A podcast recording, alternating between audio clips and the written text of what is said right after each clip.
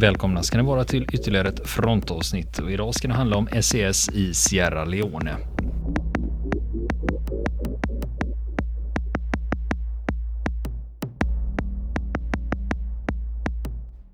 Och nu fortsätter historien om SES i Sierra Leone. Och sen den 5 september, nu har det ju gått en stund här, va? Eh, då börjar de brittiska medierna spekulera ganska öppet om om möjligheten att eh, man skulle göra en operation, att militären skulle ingripa för att plocka Mm. ut soldaterna.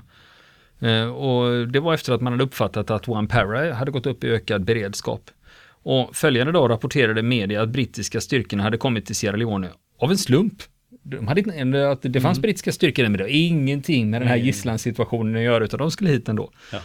Och eh, de brittiska specialstyrkorna på plats, de, hade, de behöll en låg profil när de var där och det är ju så de brukar göra. Va? Eh, och nu var det så att det fanns ett medieintresse kring One Para och det gjorde att D-skvadronen, alltså från 22 SAS-regementet, kunde smita in utan att någon överhuvudtaget la märke till dem. Så, så det var tur i oturen skulle man kunna säga. Mm. Och sen hade man ju då det förstärkta A-kompaniet från One Para. Det var ungefär 130 soldater. De anlände i landet i flera grupper och så ansluter de till SES. Och de hade redan etablerat en bas i Hastings. Det är en by som ligger fem mil söder om Freetown. Det är alltså inte den på brittiska sydkusten då. Eh, och flera av dem från One Para, de kände igen tidigare kollegor bland eh, SES-männen. För det är inte ovanligt att de rekryteras från, eh, med, från eh, fallskärmsjägarna då. Och Hastings då fokuserade One Para på skjutövningar och så repeterade de olika scenarier. Och då hade de byggt upp en kopia av byn Magbeni. Så man hade, man hade konstruerat upp en sån som man eh, övade på den då. Va? Eh, Både för att lära sig hur byn såg ut och, öva, eh, och när de övade strid då fick övningarna soldaterna akklimatisera sig till den tropiska värmen.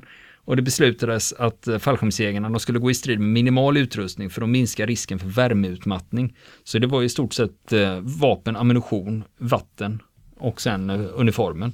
Mm. Och några officerare där, de var rädda att kroppsskyddets vikt skulle öka risken för värmeutmattning. Men befälhavarna hoppades att de svalade temperaturerna tidigt på morgonen. De skulle in väldigt, väldigt tidigt på morgonen. Alltså tänkte man att de är lite svalare då. Att eh, vi kör med kroppsskydd. Mm. För det är svalare då. Det. Och den 9 september då är det överste Kambodja som uppger att de övriga sex medlemmarna av patrullen, de hade, blivit, de hade suttit där över två veckor nu. Eh, De skulle släppas eh, efter att en ny regering hade bildats i Sierra Leone.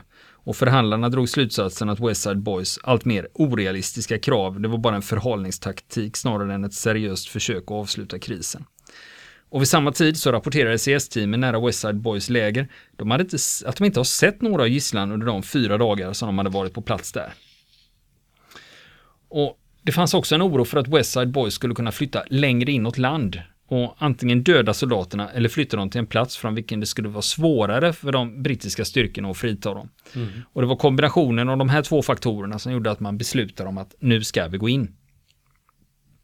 Och det finns en författare och krigskorrespondent eh, som heter Tim Butcher. Eh, år 2010 gav han ut en bok som handlar om flera konflikter i Afrika och han skriver bland annat om Operation Barrett. Och enligt honom kom klartecknet för anfallet efter att minst en av de brittiska soldaterna utsatts för ett grovt sexuellt övergrepp. Och eftersom det fanns spaning mot byn så var det när spanarna rapporterade in detta, då kom klartecknet då. Enligt den här eh, författaren då, Tim Butcher i alla fall. Och operationen skulle börja i gryningen nästa dag, den 10 september. Och tiden fram till det här användes för att säkerställa den politiska och rättsliga grunden för anfallet. Det måste ju förankras både hos britterna och hos eh, Sierra Leones ledning. Och slutligt godkännande erhölls från Sierra Leones president Ahmed Kaba och Storbritanniens premiärminister Tony Blair. Medan Army Legal Corps fick ett godkännande från Sierra Leones polis och Fordham som hade lett förhandlingarna, han ringde West Side Boys och kunde konstatera att gisslan lever och den definitiva orden att anfallet ska ske, det utfärdar man på kvällen den 9 september. Och de två byarna, de skulle anfallas samtidigt. Gberebana, där soldaterna var, de skulle tas av SES och Magbeni skulle ta av Paris. Och förutom de återstående kungliga irländska soldaterna, eh, då hade SES också ett uppdrag, de ska ta ut löjtnant Musa Bangura. Och han, var ju, han tillhörde ju Sierra Leones armé och var sambandsofficer, han hade blivit eh, tagen samtidigt där. Och sen fanns det också en grupp civila eh, som, eh, som hölls av West Side Boys, så de ska man också plocka ut då. De sitter som gisslan där.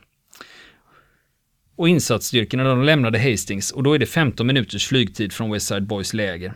Och eh, det här startar 06.15 på morgonen. Och nedströms om byarna, ungefär 15 minuters flygtid, precis utanför West Side Boys, eh, alltså oavsett om de inte kan se eller kan höra, där gick helikoptern in i ett vänteläge. För att SES observatörsteam ska komma i position och då ska de förhindra Wessa Boys från att attackera någon av fångarna innan insatsstyrkorna var på marken. Och när observatörerna var i position, då fortsätter helikoptrarna uppför Rockell Creek. Och Chinooks här, de flög tillräckligt lågt för att vindströmmen från rotorbladen skulle riva bort taket från flera hyddor i byarna, inklusive taket på huset där soldaterna hölls. Mm. Så när helikoptrarna närmade sig, då öppnade SES observatörsteam i Gberibana eld mot Westside Boys i närheten av fångarna för att förhindra att någon av gängmedlemmarna gick in och dödade fångarna innan området var helt mm. säkrat. Och när insatsstyrkorna närmade sig, då anföll de två Lynx, eh, de hade ju attackhelikoptrar med sig. De här två attackhelikoptrarna, de anfaller byarna för att göra landningszonerna så säkra som möjligt för Chinook-helikoptrarna och förstörde de tunga vapen som identifierades av SES observatörsteam. Och efter den, efter den första rensningen av attackhelikoptrarna, då kommer SES i två Chinooks till Gberibana och trupperna de firar sig ner i byn och hamnar omedelbart i eldstrid med Westside Boys. Och tidigt i den här konfrontationen då fick britterna sin första förlust. En kula gick in i Bradley Tinians sida och det var precis när han hade firat sig ner för repet. Han släpades tillbaka till helikoptern och flögs till läkarlaget ombord på RFA Sir Percival. Mm. Nu är det så med Tinian, han dör trots uh, intensiva återupplivningsförsök. Mm. Så det, han, han stupar. Sen hade man ju prickskyttar på plats och med eldunderstöd av dem, då går SES e in i byn och de rensar hydda för hydda. Och då slänger de först in en distraktionsgranat och sen in, kolla om det finns något hot. I sådana fall öppnar de eld. Och om personerna där inne gav upp togs de till fånga. Och tidigt så tog Westside Boys ledare, Fode Calais, han togs till fånga. Han gav upp ganska fort. Mm. Men resten av gänget, de bjuder motstånd. Så att, men det var inte så att alla gav upp när det ses närma sig, utan det var hårda strider i den här byn under tiden mm. det här pågick. Och vi får inte glömma att bland Westside Boys fanns det soldater som varit med länge och var stridsvana sedan inbördeskriget. Så det var, många av dem var ju veteraner. Mm. Så för dem att befinna sig i en eldstrid var liksom inget eh, nytt. Va? Och, eh, men nu var det så att de stridande i Westside Boys, det var en blandning. Det var både män, kvinnor och barnsoldater. Mm. Så det var bara för att det var ett barn eller en kvinna så behövde inte det betyda att det inte var kombatanter, utan de var stridande. Mm. Då, så de, eh, så då, då kunde SS öppna eld mot dem. Och ECS de fortsätter att rensa byn och de strider mot Westside Boys som erbjuder motstånd. Men till slut så går ECS ändå segrande ur striden. Och de som gav upp togs till fånga och inklusive ledaren då får det Calais. Så det är liksom resultatet där. Och ECS hittar de fångade brittiska soldaterna som satt och skrek British Army, British Army. Och när de hittades mitt under striderna då fick de instruktioner att stanna kvar i hyddan tills SES hade rensat resten av byn. Men Bangura, eh, alltså eh, sambandsofficeren från Sierra mm. Leones armé, han hade man hållit på en annan plats i byn, så han var betydligt svårare att hitta. Han fanns i en ojämn öppen grop och det var Westside Boys toalett. Mm. Det var mhm. där i han låg då. Eh, och det finns, det är en uppgift, sen finns det en annan uppgift att han hittas, men att han gör det, han hittas inne i en hoprasad hydda. Så det finns mm. två uppgifter om det här. Och, eh, han hade ju råkat ut för både svält och misshandel under fångenskapen och han fick dem bära till helikoptern för han var inte i skick att gå själv. Mm.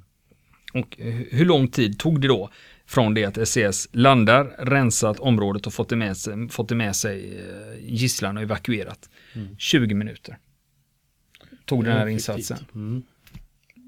Det är snabbt. Ja, och inga, inga övriga förluster. Nej. Och eh, när SES-operationen, den delen alltså, sen har vi One Para också, men när SES-operationen avslutades, då förde Chinook-helikoptrarna fångarna och kropparna från Berebana. De tog med sig mm. kroppar också. De flög det till den jordanska FN-bataljonen, alltså UNAMSIL då. Och därifrån skulle kropparna identifieras och begravas. Och de fångar som identifierades som Westside Boys, de skulle man överlämna till Sierra Leones polis. Och Operation Barras fritog också 22 civila som hade blivit fängslade av Westside Boys. Och eh, de här fångarna de hade använts som tjänare och de hade fått eh, militär utbildning, Westside Boys. Eh, eventuellt då för att rekrytera mm. dem som, ha dem som soldater i framtiden. Medan kvinnorna de hade kidnappat, de skulle användas som sexslavar. Mm. Och de som hade planerat det här, de var lite oroade över att West Side Boys skulle kunna försöka dölja sig bland de civila fångarna. Ja. För vem vet du om någon bara säger jag är inte West Side Boys, jag är fånge. Ja, hur ska du veta det? Så den här civilbefolkningen som befanns där, de här fångarna, man tog med sig allihop. Ja. Och sen identifiera. för att identifiera dem, ja. De tog man med sig till den jordanska basen för att identifieras. Eh, nu är det så att eh, jag sa att man fick med sig 22 civilister ut från lägret. Och det, det fanns en 23 också, men som tyvärr hade hamnat i korseld och blivit ihjälskjuten under eldstriderna inne i byn då. Men sen hade vi Magbeni, den andra byn, det var ju där One Para skulle hålla till då. Det. Och eh, det var så att en tre, det fanns ju två Chinook som flög med CS till Geberbana och sen eh, den tredje då, så, Chinooken, den skulle ha med sig hälften av det förstärkta A-kompaniet från One Para. Och helikoptern den svängde lågt in över landningszonen, för den hade identifierats av andra eh, SES-observatörsteam. Mm. Och One Para hoppar ner från den bakre rampen, de firas alltså inte ner. Observationsgruppen hade varnat för att marken var våt, men de hade inte kunnat se vattendjupet. Nej. Är det, de ser att det är blött, men de vet Ja. inte om det är 5 cm eller 3 meter. Ja. Och när de hoppar ner från helikoptern, då sjunker de ner till bröstet. Det var bröstdjupt, det här Ja. träsket då. Men majoriteten av, nej, men majoriteten av den första gruppen, de vadade omedelbart genom träsken för att komma till de närliggande träden och därifrån till byn. Men en liten grupp med uppgift att säkra landningszonen var tvungen att vänta i träsken för att Chinooken skulle hämta de återstående medlemmarna av kompaniet för att sätta in dem vid landningszonen. Så de, det skulle komma en last till. då. Och den återvändande Chinooken som hade med sig resten av A-kompaniet, inklusive andra befälhavaren, kapten Danny Matthews, den blev utsatt för eldgivning från en tung kulspruta i Magbeni. Eh, Den här kulsprutan besköts sen av en Lynx-helikopter tills den upphörde att skjuta. Och soldaterna i Matthews helikopter, de var nu på backen och anslöt sig till första hälften av kompaniet på marken. Och nu var de samlade och nu skulle de sätta igång. Och när kompaniet rör sig framåt så sker det en explosion bland dem. Och sju skadas. Och det är antagligen en granat från britternas egna understödsgrupp som träffat dem. Och en av de som skadats det är, det är kompaniets befälhavare, Major Matthew Lowe. Eh, en annan som har skadats det är en av plutoncheferna. Och en av signalisterna sänder en skaderapport och Chinooken som är på väg att lyfta, eh, som ska lyfta ut gisslan, den får nu åka till Magbeni istället för att evakuera sårade. Och sen fortsätter den till Berbana för att lasta gisslan. Så de hämtar sårade, sen åker de till andra byn, hämtar gisslan och sen iväg då. Och den här första vågen som kommer fram eh, och soldaterna här, de går inte rakt in i byn utan väntar tills andra vågen anslutit. Och fram tills dess så lägger de granatkastareld över byn och finkalibrig eld. Så de öppnar eld innan de kliver in. Och kompaniet här, det fortsätter under ledning av Matthews. Under hans befäl så anföll varje pluton de byggnader som de hade tilldelats under träningen. För de hade ju övat på en kopia eh, på byn redan, så de håller sig till planen då. Ja. Och de hittar Westside Boys ammunitionslager och säkrar det. Och när resten av byggnaderna hade rensats då intog fallskärmsjägarna försvarsställningar för att avstyra eventuella motattacker. Och sen skickar de ut patruller i djungeln för att se om det finns fler Westside Boys i närheten. Och byn var helt erövrad klockan 8.00. Och eh, så säkrar de också eventuella anfallsvägar med Claymore-miner, alltså truppmina 12 då, eller försvarsladdning 21 som det numera Ja, heter. just det. Lite man- ofarligt sådär. Ja, de, har- de har vi pratat om tidigare. Det. Och sen pla- placerar man ut granatkastarna för att kunna förhindra en motattack. För var är det mest sannolikt att motattacken kommer? Då förbereder vi det som eldområde då. Och så är det en grupp som förstör fordon och tunga vapen i byn. Inklusive den här Bedford-lastbilen med den där luftvärnskanonen. Som de hade, som de hade använt när de hade tillfångatagit den här patrullen. Och kompaniet hämtar också den kungliga irländska patrullens Land Rover. Och den hänger man fast i en chinook och hissar upp och skickar iväg. Mm. Och eh, de höll faktiskt på där en bra stund ska jag säga. För de bri- sista brittiska soldaterna, de, var, de hade ju säkrat byn klockan 08.00. De lämnar inte förrän klockan 14. Då är det varmt. Så de har vistats där en ganska bra stund. Och sen, de återstående medlemmarna av den här fångade patrullen, de flögs till RFA Sir Percival och Fordham han besökte männen strax efter operationen och uppgav att de såg anmärkningsvärt bra ut med tanke på de prövningar de hade genomgått och beskrev dem som fysiskt och mentalt uttömda. Och efter medicinska kontroller, då fick soldaterna, de hade hållits fångar i 17 dagar nu, då fick de ringa sina familjer och återförenades senare, senare med sin bataljon i Freetown. Och fallskärmsjägarna de flögs till RFA, RFA Argus där de tillbringar natten innan de flygs tillbaka till England nästa dag. Mm. Och eh, SES de lämnar också Sierra Leone dagen efter operationen tillsammans med befälhavarens specialstyrkor och hans eh, högkvarterspersonal. Men sen blev det ju reaktioner på den här eh, operationen då. Och det var talkshowvärden Sir David Frost som bröt nyheten om Operation Barris till den brittiska allmänheten. Och det var så att en brittisk soldat, Bradley Tinian, han dödades i operationen och 12 soldater skadades och varav en allvarligt. Och det brittiska försvarsministeriet, de erkände inte officiellt användandet av specialstyrkor, men utfärdade ett pressmeddelande som inte nämnde SES. Men när det blev offentliggjort att Brad Tinian, han var en Lance Bombardier och ursprungligen kom han från 29 Command Regiment Royal Artillery, då blev det klart för experter att Tinian hade tjänstgjort med specialstyrkor. Så då liksom lade de pussel att aha, ja kommer han därifrån, då vet vi, då, kunde vet man liksom, då kan man lägga upp två och två, aha, då är det ju SES då va. Och eh, det som var lite tråkigt där, det var ju att Operation Barris, det var ju Tinians första operativa uppdrag för SES Mm. som han stupade på då. Och hur såg det ut med West Side Boys då? Jo, 25 stycken av dem dödades under operationen. Men gängets motstånd det var ju starkare än vad de hade förväntat sig och det spekulerades att fler kroppar låg oupptäckta i djungeln. Och flera andra West Side Boys togs till fånga medan andra flydde in i djungeln. Och många av de som flydde in i djungeln, de gav sig, de gav senare upp och då vände de sig till jordanska fredsbevarare. Och jordanierna hade fått 30 stycken vid slutet av dagen och eh, 371, däribland 57 barn, hade överlämnats inom två veckor av Operation Barris. Och Julius Spencer, som var Sierra Leones informationsminister, han förklarade att West Side Boys var färdiga som militärt hot. De var helt eh, utraderade. Ja. Och sen är det det här med när man säger att 25 West Side Boys dödas. Eh, det, för, det finns eh, andra siffror eh, som är Som det brukar vara vid sådana här ja, operationer. Så. Ja, som är Vad betydligt siffrorna är. Ja, jag ska inte dra några siffror, men de är betydligt högre Mm. än de här 25 som anges då Mm. i de officiella källorna då. Och några av dem som gav upp, de anmälde sig frivilligt till den nya Sierra Leone-armén och de som accepterades, de gick in i det brittiska utbildningsprogrammet. För britterna hade varit där för att utbilda. Britterna hade varit där för att utbilda Sierra Leones armé Ja. och nu kommer gamla West Side Boys och ansluter sig till Sierra Leones armé och blir utbildade enligt, enligt brittisk modell då. Ja. Ja. Och Calle, gängets ledare, han spelar in ett meddelande för sändning på Sierra Leones radio och då uppmanar han de återstående West Side Boys att överlämna sig till Unamsil. Och han identifierar också kropparna av de West Side Boys som dödades i Magbene och Berbana och de begravdes därefter i en massgrav. Mm.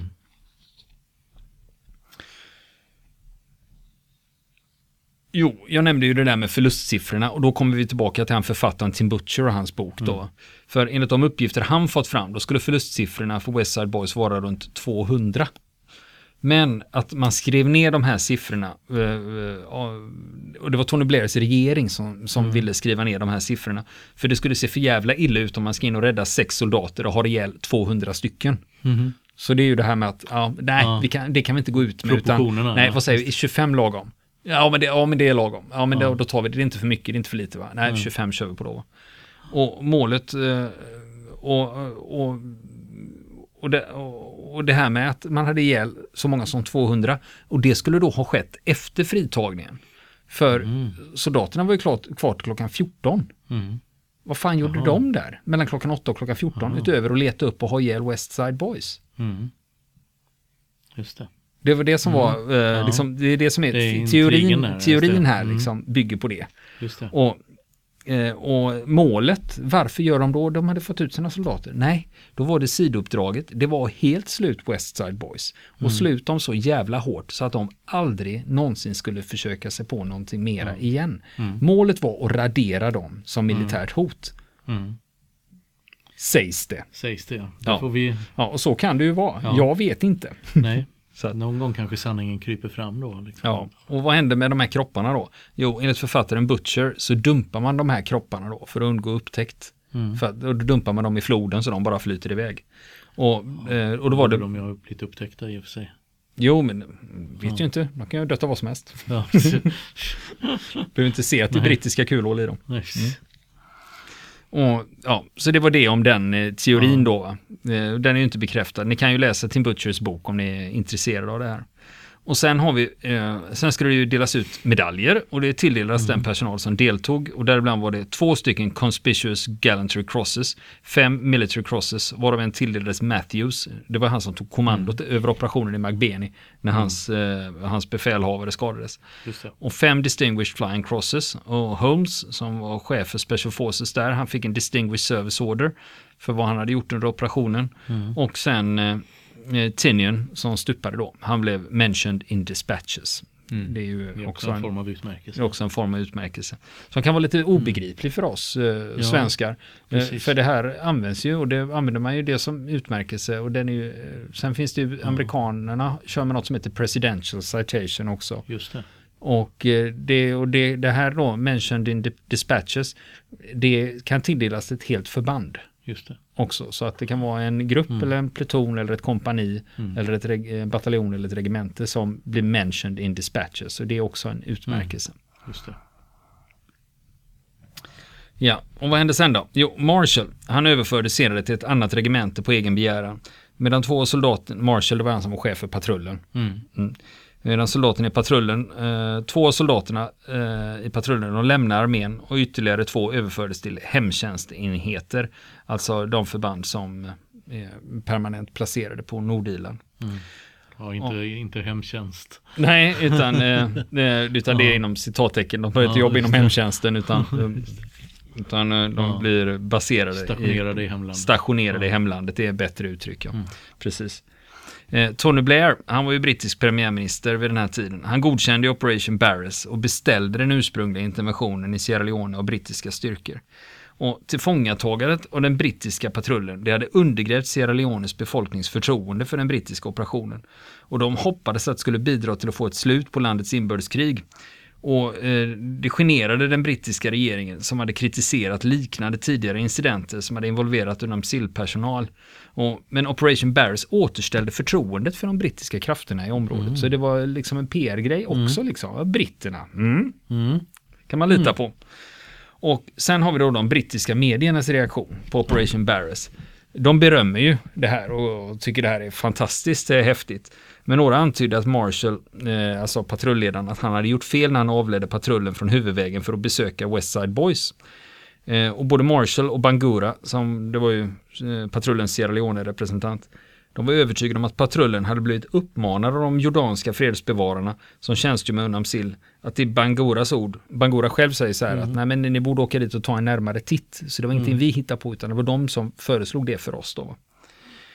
Men eh, befälhavaren för UNAMSIL, han heter general Mohammed Gaba. Eh, han kommer från Nigeria. Han, han förklarar att eh, britterna hade träffat jordanierna och eh, de förnekar själva att vi har bett dem att undersöka West Side Boys läger. Vi har inte sagt detta till dem. Så nu står ord mot ord då. va? Marshall och Bangura säger att men de sa ju till oss att vi skulle åka dit och titta. Och, och, eh, och UNAMSIL säger nej men det har vi aldrig sagt.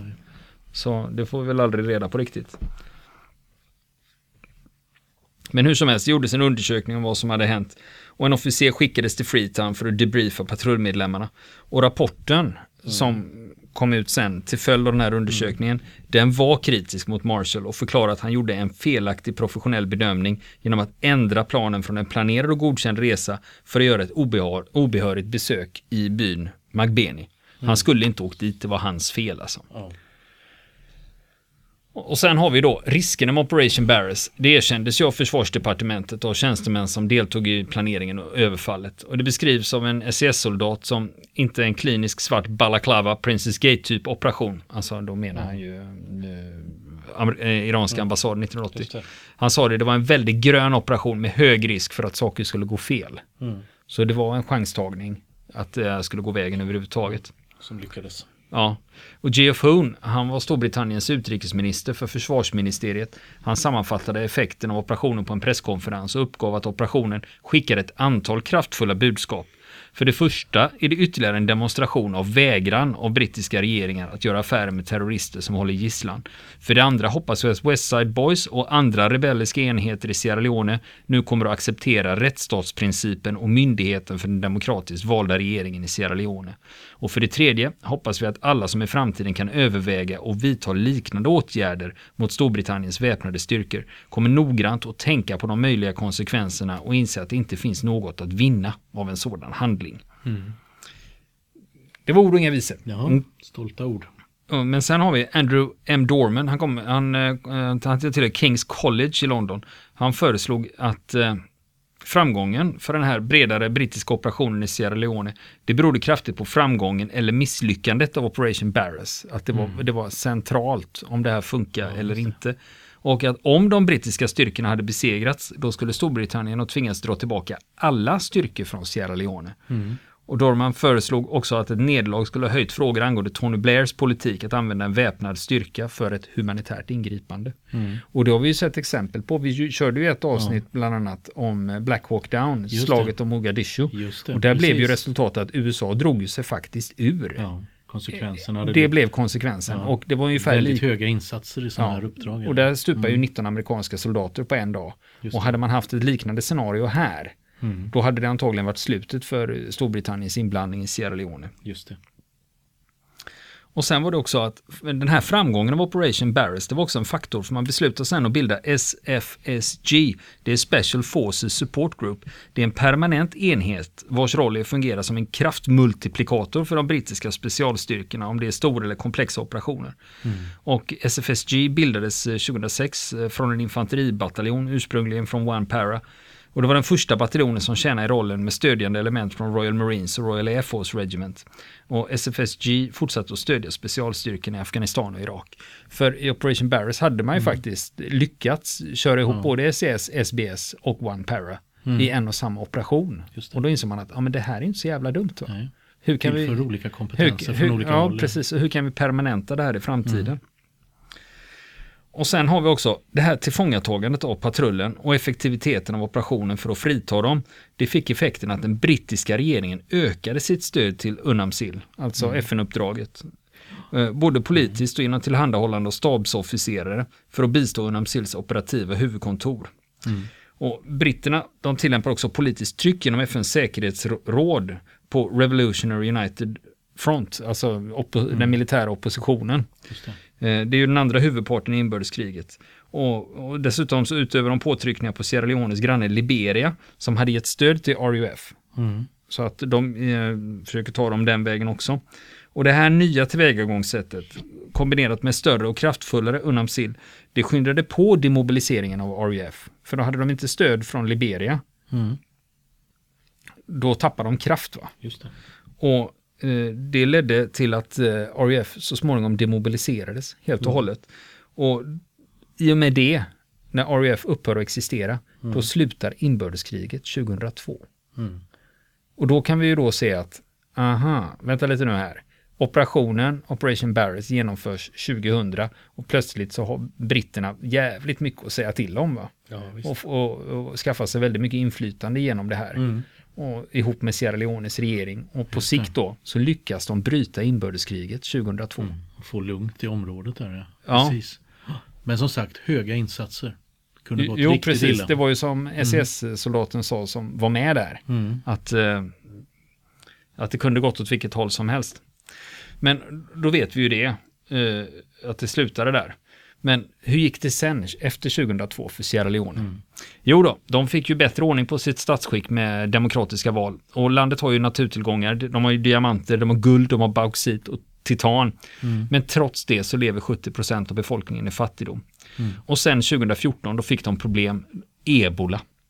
Just det. År 2014, 4 000 dog och det var Mm. bara Liberia som hade fler dödsfall, 4 800. Mm. Men sen 2016 så har inga nya ebolafall rapporterats från Sierra Leone. Mm. Och det är ju ett problem med de här länderna. De har en lång väg. Även om det liksom nu blev mer, nu blir det mer Precis. Mm. stabiliserat. Men det är liksom inte så att det blir instant democracy och välstånd till alla. Nej, det finns ju ingen infrastruktur på det sättet. Nej, nej. Och mot ebola hjälper inte specialförband. Ja, nej. Och Sen har vi också det här med, sen får man också se, eh, vad gör övriga omvärlden då? Vad har de för relation till Sierra Leones regering? Och eh, även utländska företag, vad spelar de för roll i det här? Och, eh, så det, det är ofta så där det finns fyndigheter, där finns det utländska intressen. Mm. Och de är inte nödvändigtvis på rättsstatens och demokratins och det allmänna välståndets sida riktigt. Nej, ibland är det ju vinsten som styr. Precis. Eh, Så underblåser korruptionen så att Ja. säga i, i Ja, landet. och det är ofta För att göra affärer. Ja, och det är ofta problem det här med just med korruptionen. Att det är det, liksom det sista du kommer åt. Va? Ja, det som förstör stater. Ja, ja, det liksom gör att du inte kan eh, lyfta rika länder. Nej, på grund av, även om det är fred i landet och det inte pågår några väpnade konflikter och inga andra länder är där och rotar heller. Mm. Men det är just det, det är korruptionen som sätter stopp för utvecklingen. Mm. Så vi får väl hoppas att det går åt rätt håll. Vill ni komma i kontakt med oss så kan ni göra det via vår Facebook-sida som heter Fronten. Det är inga problem för er att leta er fram där. Eller också så mejlar ni på vår mejladress och det är frontenpodcast@gmail.com.